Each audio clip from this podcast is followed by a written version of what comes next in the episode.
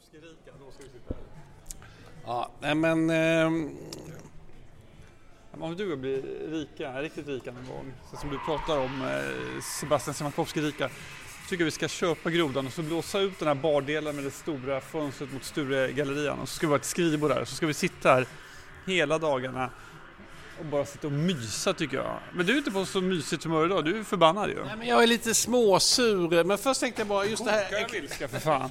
Jo det gör du visst. Nej, men just det här exhibitionistiska draget, det, man kan säga det är ju så Alex Schulman har förvandlat Stureplan. Han är ju liksom förvandlat hela Stureplan till sitt skrivbord. Han sitter ju med sin dator och det liksom strömmar ut ljud och han är helt okontaktbar. Han Vad har har liksom... han med det här att göra? Jag fattar inte. Nej men det är det här med just att sitta i ett skyltfönster på gatuplan och jobba privat. Det finns ju någon kontrast i detta som är väldigt eh, märklig. Men ska vi lämna det eller? Ja det kan vi göra men jag tycker inte, jag skiter så i om det är skyltfönster. Det här är ju dessutom placerat så att det är mer att man ser folk, de tittar ju inte åt sidan, alla går ju rakt fram så det tycker jag är rätt, på det sättet rätt anonymt. Ja men alltså... ja, men alltså ja, men, det är lite sjukligt menar jag att jobba privat i en publik plats. Men eh, vi, vi lämnar det. Ja men om jag hade varit chefredaktör för Reseindustrins tidning då skulle jag ju snarare vilja stimulera att folk skulle vilja jobba där. Har du börjat bita på naglarna? Nej, jag har inte börjat bita på naglarna. Jag bara försöker, liksom, jag har ju laddat upp mig nu här. Slå, kom igen nu. Nej men jag har tänkt på en grej här. Det- Detta är kanske lite för tungt ämne för podcasten men, men minns du där Jimmy Åkesson, han gick ut och varnade för konspiration, alltså islamism och eh, man skulle riva moskéer och han misstänkte då att eh, islamismen breder in sig i samhället på ett sätt som hotar demokratin. Ja absolut. Nu har vi då fått belägg för att detta är exakt det som händer i Sofie Löwenmarks fina avslöjande här om El Haj, att han... eh, Hamas. El Hamas, att han... Eh, ja, men att han helt enkelt intrigerar och ljuger och utnyttjar sin roll som eh, socialdemokratisk riksdagsman för att sprida islamism. Och eh, ja, han har ju också uppmanat i moskén på arabiska män att de ska säga till sina kvinnor och börja, eller tjejer då, börja, börja bära slöja väldigt tidigt. För när de fyller 18 år, har de inte haft slöja innan, då vill de inte ha det sen när de är 18. Ja. Och då tänker man så här, vad är detta för någonting? Eh, Jag tror att... Jag, jag, Ja, men jag fortsätter. Jag gör det. Ja. Fortsätt. Ja, men detta är ju liksom ett bevis på att Jimmy Åkessons konspirationsteorier faktiskt har grund i Ja, det är verkligheten. väl ett exempel Ja, åtminstone. det är ett exempel på detta. Framförallt är det ju exempel på det han har sagt att socialdemokratin är beroende av den här väljargruppen och därför håller den om ryggen. Och det är Ja. därför de inte agerade tidigare när det var uppenbart att det hade så att säga blivit fel. Förut. Men när Jimmy Åkesson gjorde sitt uttalande då om att man skulle riva moskéer och att de som sprider islamistisk propaganda ska liksom avlyssnas och spärras in. Då ägnades 25 minuter i Aktuellt åt detta och detta var liksom den hetaste politiska frågan och på något sätt allting i den frågan gick ut på att Jimmy Åkesson är dum i huvudet, han har Okej, inte förstått någonting. nu. Och nu tänker jag så här, och nu när detta då har avslöjats så tänker man så här, min kritik som jag riktar här det är mot de här neutrala politiska kommentatorerna som på något sätt Namnge! Ja men eh, Ramberg och Furtenbach och eh, vad heter det, de här, eh, ja men heter inte, Annie Lööf heter hon inte, Annie, jag vet inte om på svenska, glömde bort vad hon heter nu. Hon är på DN. Ja, hon är på det nu. Nej, men alla de här politiska kommentatorerna, de vägrar liksom ta i det här sambandet mellan den här avslöjade konspirationen SDs eh, kritik och hur detta kommer att påverka väljarströmmarna. Och jag tror att detta kommer att få väldigt stor betydelse för att ett, det visar sig att Jimmy Åkesson, han är inte helt ute och cyklar och två, väljarna känner ju att ingen tar i den här frågan på allvar och går in i den, och, förutom Sverigedemokraterna. Och då tänker jag så här, detta borde ju tycker jag, är ja, men man sitter i det här meningslösa programmet. De här politiska analytikerna, de är en slags lallare som är liksom, ja de tycker det är som en Men vi- middagskonversation på Södermalm. Men Politik, pratar- de förstår inte allvaret. Men vi pratar också, du har rätt i att den här typen av, den här frågan borde fått mer uppmärksamhet än vad den har fått. Det borde också få större konsekvenser det har fått och det förstärker att, att, så att säga, etablerade medier inte kommenterar det på rätt sätt. förstärker också klyftan stad mot land, eh, ökar på politikerföraktet, ökar på misstro mot media och skapar den här känslan av så att det finns en, en som du säger det ordet, det är ju starkt, men konspiration eller åtminstone en dold agenda. Eh, Nej, det är Muslimska brödraskapet, de har en Jo, dold jag skulle agenda. Säga, jo, men det är samma sak. Det har ju socialdemokratin också. Jag tycker så här, så att Magdalena Andersson spelade ut det. Hon borde, varför kan inte hon backa och bara säga så här, vet ni, den här gången blev det jävligt fel. Eller hon kunde till och med sagt att hon blev lurad, eller känner sig lurad. Men de kan aldrig backa en millimeter när de märker att det här kommer inte att hålla. Det här, nu har skiten träffat fläkten. Det provocerar mig fruktansvärt mycket för vi får också ett offentligt samtal där man inte kan backa. Och den linjen går hela vägen från riksdagskansliet till de etablerade redaktionerna och det är väldigt synd. För det skapar ett samhälle där förlåtelse inte är möjligt. Nej, men, eh, ja, men jag förvånar. Jag tycker de här politiska analytikerna, det är de jag vänder mig till här. Vi är ju lite kanske av en mediapodd eh, stundtals. Jag har frågat Dagens Media om vi får lov att distribuera via dem, men de har inte svarat. de har inte svarat. Eh, jo, de har faktiskt svarat och sagt att, att de ska bygga om sin sajt och då eventuellt kan det finnas plats. Det var inte helt iskallt, så det ska jag inte säga. Men som, ja, ja. Nej, men jag... jag tror att det där är Linnea Kihlström, hon är en väluppfostrad person, det är hennes sätt att säga dra åt helvete. Okej, okej, okay, nej ska jag inte säga dra åt helvete till henne då. Då blir det, det blir jag aldrig mer bjuden på lunch. Det finns ingen anledning att göra det till henne. Duktig ah, jag, jag bara tycker att de här analytikerna, skärp er, eh, lämna det här trygga middagsbordet på Södermalm eller i Vasastan ja. och ge ut i verkligheten. Uh, åk och prata lite med de här väljarna som jag tror är väldigt påverkade av det här och fundera på hur detta kommer att påverka opinionen. Men jag Ska vi lämna det eller vill vi... Du, jo, nej, vi ska aldrig lämna någonting. Då, då är det som en vanlig jävla podcast. Ja, men det, precis, det är också rätt. Men jag tror också så att du och jag har ju en fördel, det här älskar jag att säga. Det är att vi är födda någon annanstans än i Stockholms innerstad och har sett en annan verklighet och kanske fortfarande har... Jag menar, du är mycket hos din eh, syster i Förslöv, är det inte det? Svalöv. Svalöv, förlåt, Svalöv. Eh, jag har fortfarande kvar mina föräldrar i Motala, många goda vänner där också. Man får ju någonting att studsa frågor emot. Och man förstår, eller förstår, om man kommer därifrån så, att säga, så vet man om att världen inte ser ut som den gör på Östermalm. Och det är intressant att du använder den här metaforen middagsborden på Södermalm, för precis så ser det ut, eller Nacka, eller kanske i något fall Lidingö, men i praktiken så är det cementerat. Hammarby Sjöstad kanske också. Ja, men och där är det ju... Man men, alltså, på, att ja, men, det finns, alltså, det ska krävas fler folk som var ute i landet och hade, så att säga, mötte folk i, på ICA eller i skolorna varje dag och förstå vad det är som eh, irriterar, vad är, det, som upprör, vad är det som skaver? Ja, och det faktum att Jimmy Åkesson har haft rätt på många punkter, det är ju det. Bara av sig... Gröning till exempel, som var i, eh, som var i Engelsberg, utanför Engelsberg. Hennes eh, verklighet är fan med mer intressant att få perspektiv på, från än eh, någon på Södermalm. Max Hobom. Okej, okay, Max Hobom, det är ju en liten miljardärson. Eller är han miljardär? Nej, jag bara skojar.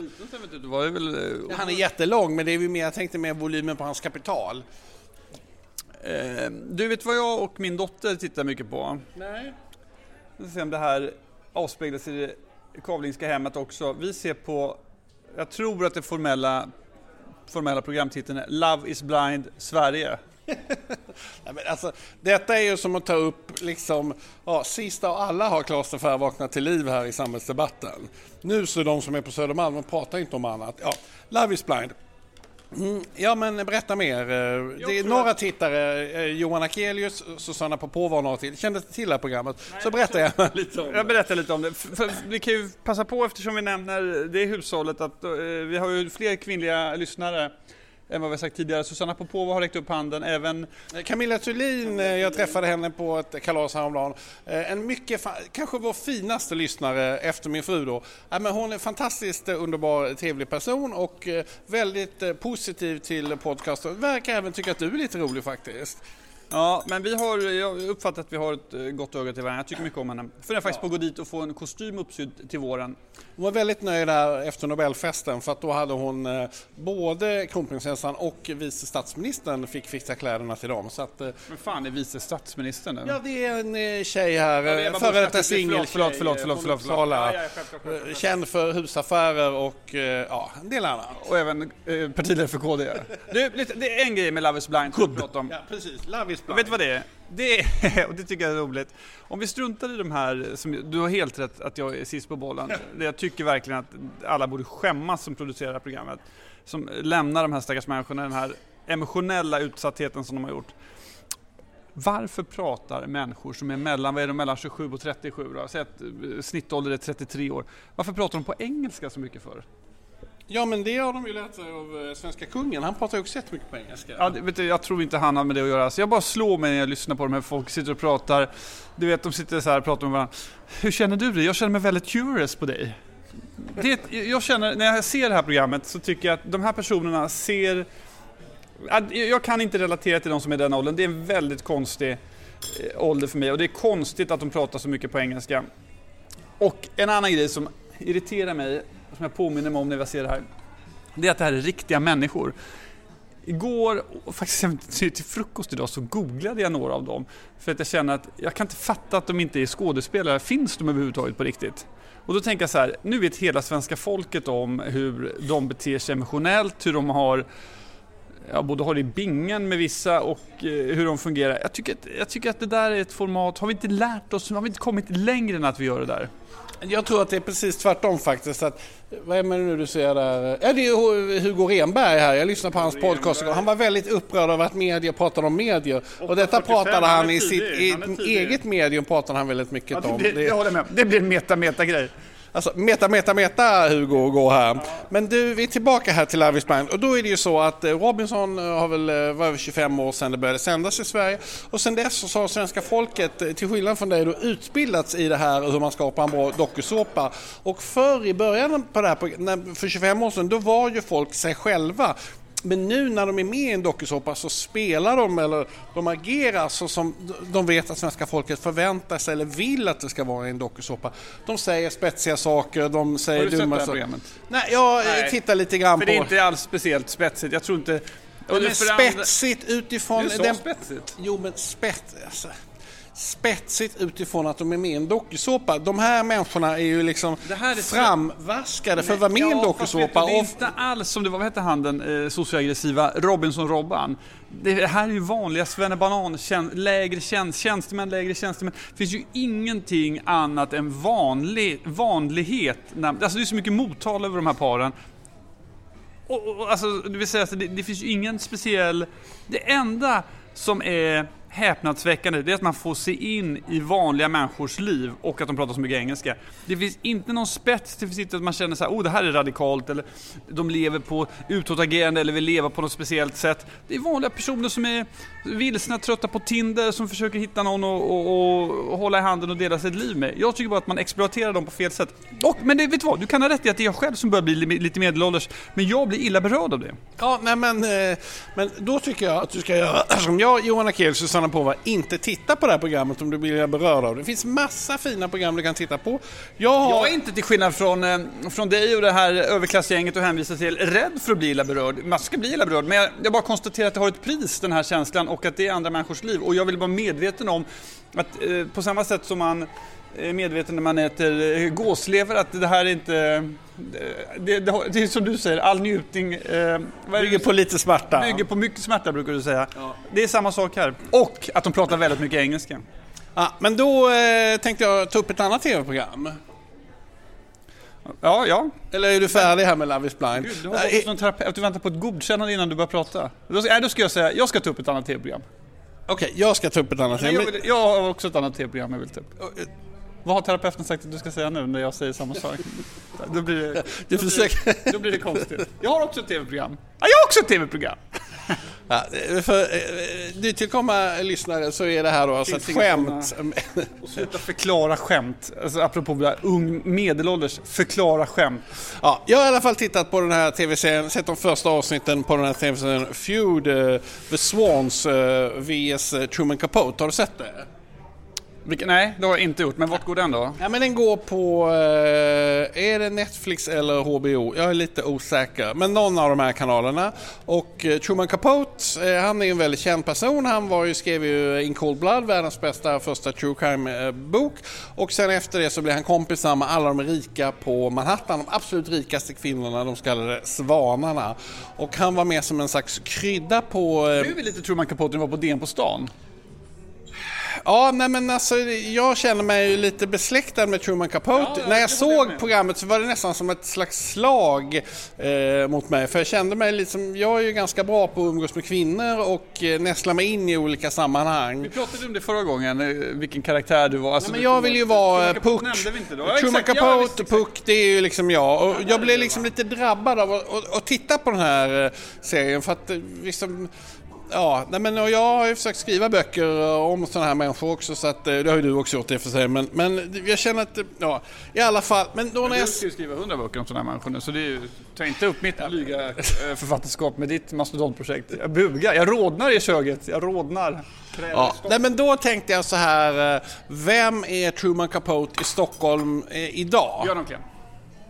Ja, nej men eh, det är han är till viss del, så, men han tror jag, han, nu har han, dels sitter han här där borta i USA nu, väldigt skönt att han har kommit dit så att DNs... Eh, Han var, du har rätt i det. Han, eh, men han har liksom lämnat, nu är han eh, där med sin eh, söta lilla flickvän, eller fru menar jag förstås, och han har sitt söta barn. Och han är liksom... Det kanske är så att en Truman Capote av idag, skulle han ens skriva böcker? Det kanske är Johan Petré som är Truman Capote? Nej, Jag ska berätta vem som är Truman Capote, men han Säger har... du Leif GW Persson som är ditt universal svar på alltihop, då går jag härifrån. Då är Nej, det- men jag vill bara säga att Björn af Kleen, han är ju Dagens Nyheters egen skvallerkorrespondent. Varenda gång... Jo, vet det du, är Truman Capote var inte Va- oskvallig, det Förlåt mig. Var, men det precis, nej, men varenda gång Peter Wolodarski vill veta något vad som händer ute på stan, då ringer han Björn af Kleen och så håller de på att skvallra. Det är liksom... eh, Vill man förmedla någonting till, till Peter Wolodarski, då ska man skvallra till Björn af Kleen. Då går det rakt upp i DN-toppen. Ja, det förvånar mig inte att han inte har någon... Ja, nej, jag orkar inte, ens, men men det- jag orkar inte ens kommentera det faktiskt. Nej, okej, okej. Men då vill jag ju säga, den som är vår tids eh, Truman Capote här i Stockholm, det är ju Daniel Nylén. Nej, Han- nej, nej, jag, vet du vad? Den dörren öppnar vi inte och jag vill inte ens prata om honom. Där, där, alltså där finns det någon anständighetsgräns. Han är inte vår tids eh, Truman Capote. Han har inte, han har ingenting med Truman Capote att göra ens en gång. Alltså du ens svärtar ner Truman Capotes goda namn och rykte genom att jämföra det med PIP! Tung protest inlämnad. Såg du däremot att eh, Gunilla Brodde skrivit en jävligt kul liten spalt i, i eh, Expressen Kultur apropå bilden på Peter Wolodarski, Anders Eriksson med Anna Åberg inklämd mellan dem.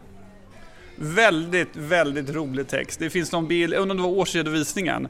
Då sitter Anders Eriksson och Peter Wolodarski och manspreadar och så har de lyckats klämma in briljanta redaktionschefen Anna Åberg i mitten. Hon ser ut som en inklämd konfirmand mellan de här giganterna. Och ja, men då har de intervjuat henne angående den bilden och det är en väldigt rolig text. Roligt att det fortfarande finns, vi pratade om det, att det finns den där liksom lekfullheten, tjuvnypen. Och enligt Expressen Kultur då så är Anna Åberg tilltänkt, eh, eller omnämnd ska jag nog säga, efterträdare till Peter Wolodarski. När han blev chef för Sveriges Radio eller? Han eh, håller på att lobba för det här på DN. Där, eller det var ju ledare... Han har hållit på länge med den lobbingen. Men jag tror... Nej, jag vet inte riktigt eh, om det... Det ska bli spännande att se. Vad hette det? Vi började ju samtidigt, har jag berättat tusen gånger kanske här på podden. Men vi satt ju... Du är beredd för att upprepa dig. Det ska du inte be om ursäkt för. Ja, men då var han en praktikant här inne på ledarredaktionen och jag blåser min visselpipa. Och, ja, nu är det han som blåser visselpipan och alla på Södermalm och Vasastan, Östermalm reser sig upp. Ja, inte på Östermalm. Men du, vad ska jag säga? De få Svenska Dagbladet-läsare som finns kvar reser sig inte. De borde... Vad fan är det där för konstig smal eh, spene? Du, eh, nu fattar jag inte. Men eh, vad ska jag säga? Vem, eh, så här, två frågor om Silla Bänke, om säger jag och inte när, slutar som VD på Sveriges Radio. Hon kommer aldrig sluta. Ja, säg inte, det är om du dyker upp ett annat jobb. För det är samma sak. Varför det dyker, inte, det dyker inte upp några andra nya jobb för de här människorna. Det finns liksom 50 mediejobb och när man väl har fått det, till skillnad från dig då som försöker byta för mycket. När man väl har fått det då ska man liksom... Till skillnad från mig som säljer mina jobb. När, Ja, men absolut, det är vet jättebra. du vad hon... Hur rik blev du? Ja, vet, vet, skitsamma. vet du vad jag tror hon gör? Nej, okej, Fortsätt. Nej. Jag, jag skulle inte få med om, apropå lobba för jobb, det skulle inte förvåna mig om hon lobbar för att få ett ambassadörsjobb av regeringen. Hon skulle kunna få Brasilien. Jaha, ja. Den, jag tror man måste skära på ett helt annat sätt, du har rätt i. Alltså om, inte, om inte Sveriges Radio och SVT slås ihop och, och man pekar på Silla Bänk och säger så här, du är den som klarar av det här bäst.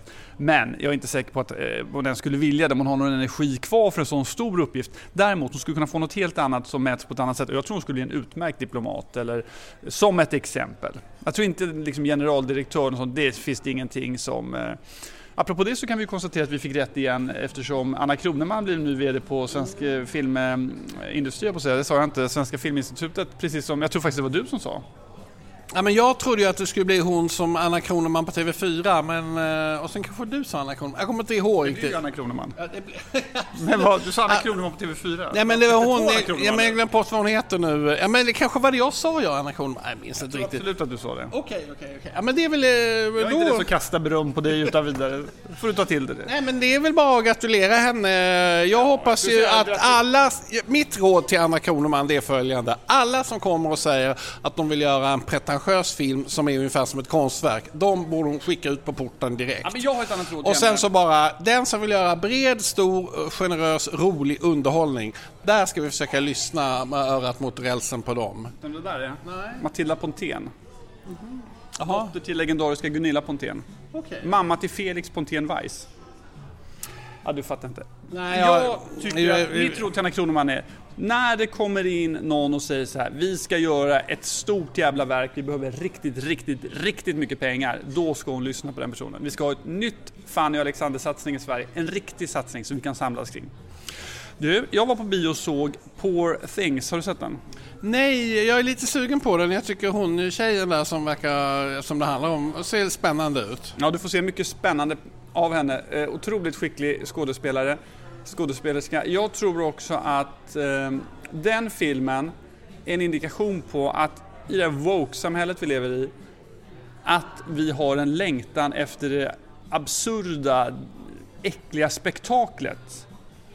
Jag tänker både på den här, jag tänker på, nu har inte jag hört, eller jag såg inte Melodifestivalen, men allt det här med den här Fröken Snusk tror jag samma sak. Varför tillåts vi, eh, alltså det är så mycket eh, antingen eller och jag tror som sagt att det, det finns, det, Poor Things, Fröken Snusk och ett par andra saker pekar i riktningen på att vi är på väg, du vet tänk om vi skulle få en, typ, en ny Paul McCartney-utställning till exempel. Riktigt, riktigt äckliga.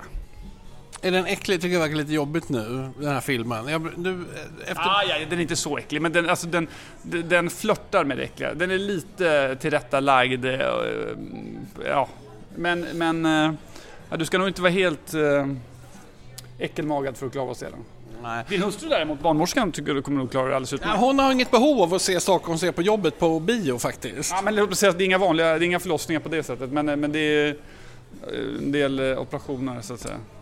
Du, eh, jag känner bara att jag ska lämna en cliffhanger till nästa, för tiden börjar rinna ut här. Eh, och det är ju att jag håller på att läsa över Spare, eh, den här boken om... du, men det är jag som ska anklagas för att vara sist på bollen. Ja, nej men alltså jag vill bara säga att eh, Jag jag... har kolla på Seinfeld, skitkul serie.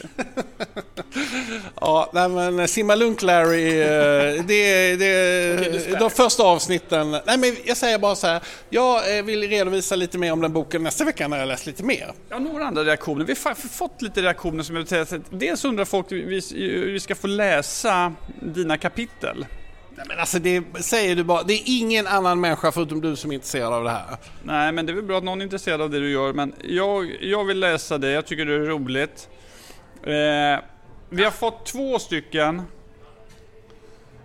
Nej, vi har sagt det med Popova som sa det. Eh, Alltså det visar ju... Viktor Blomqvist i grannhuset här på Skultuna mässingsbruk, utmärkt person också, skriver att han, vi måste credda din, han skriver din men han menar vår podd, så jävla bra med spänstiga dialoger, önskar att ni borrar ännu mer i allt som händer i vår närhet. Typ Al-Haj, det fick ju han leverans direkt av det var ju bra. Och vad som hände med restaurangen Daphnes. Du, eh, jag måste avsluta nu. Varför då? Vad ska du? Vad tror du? Är det dags eller?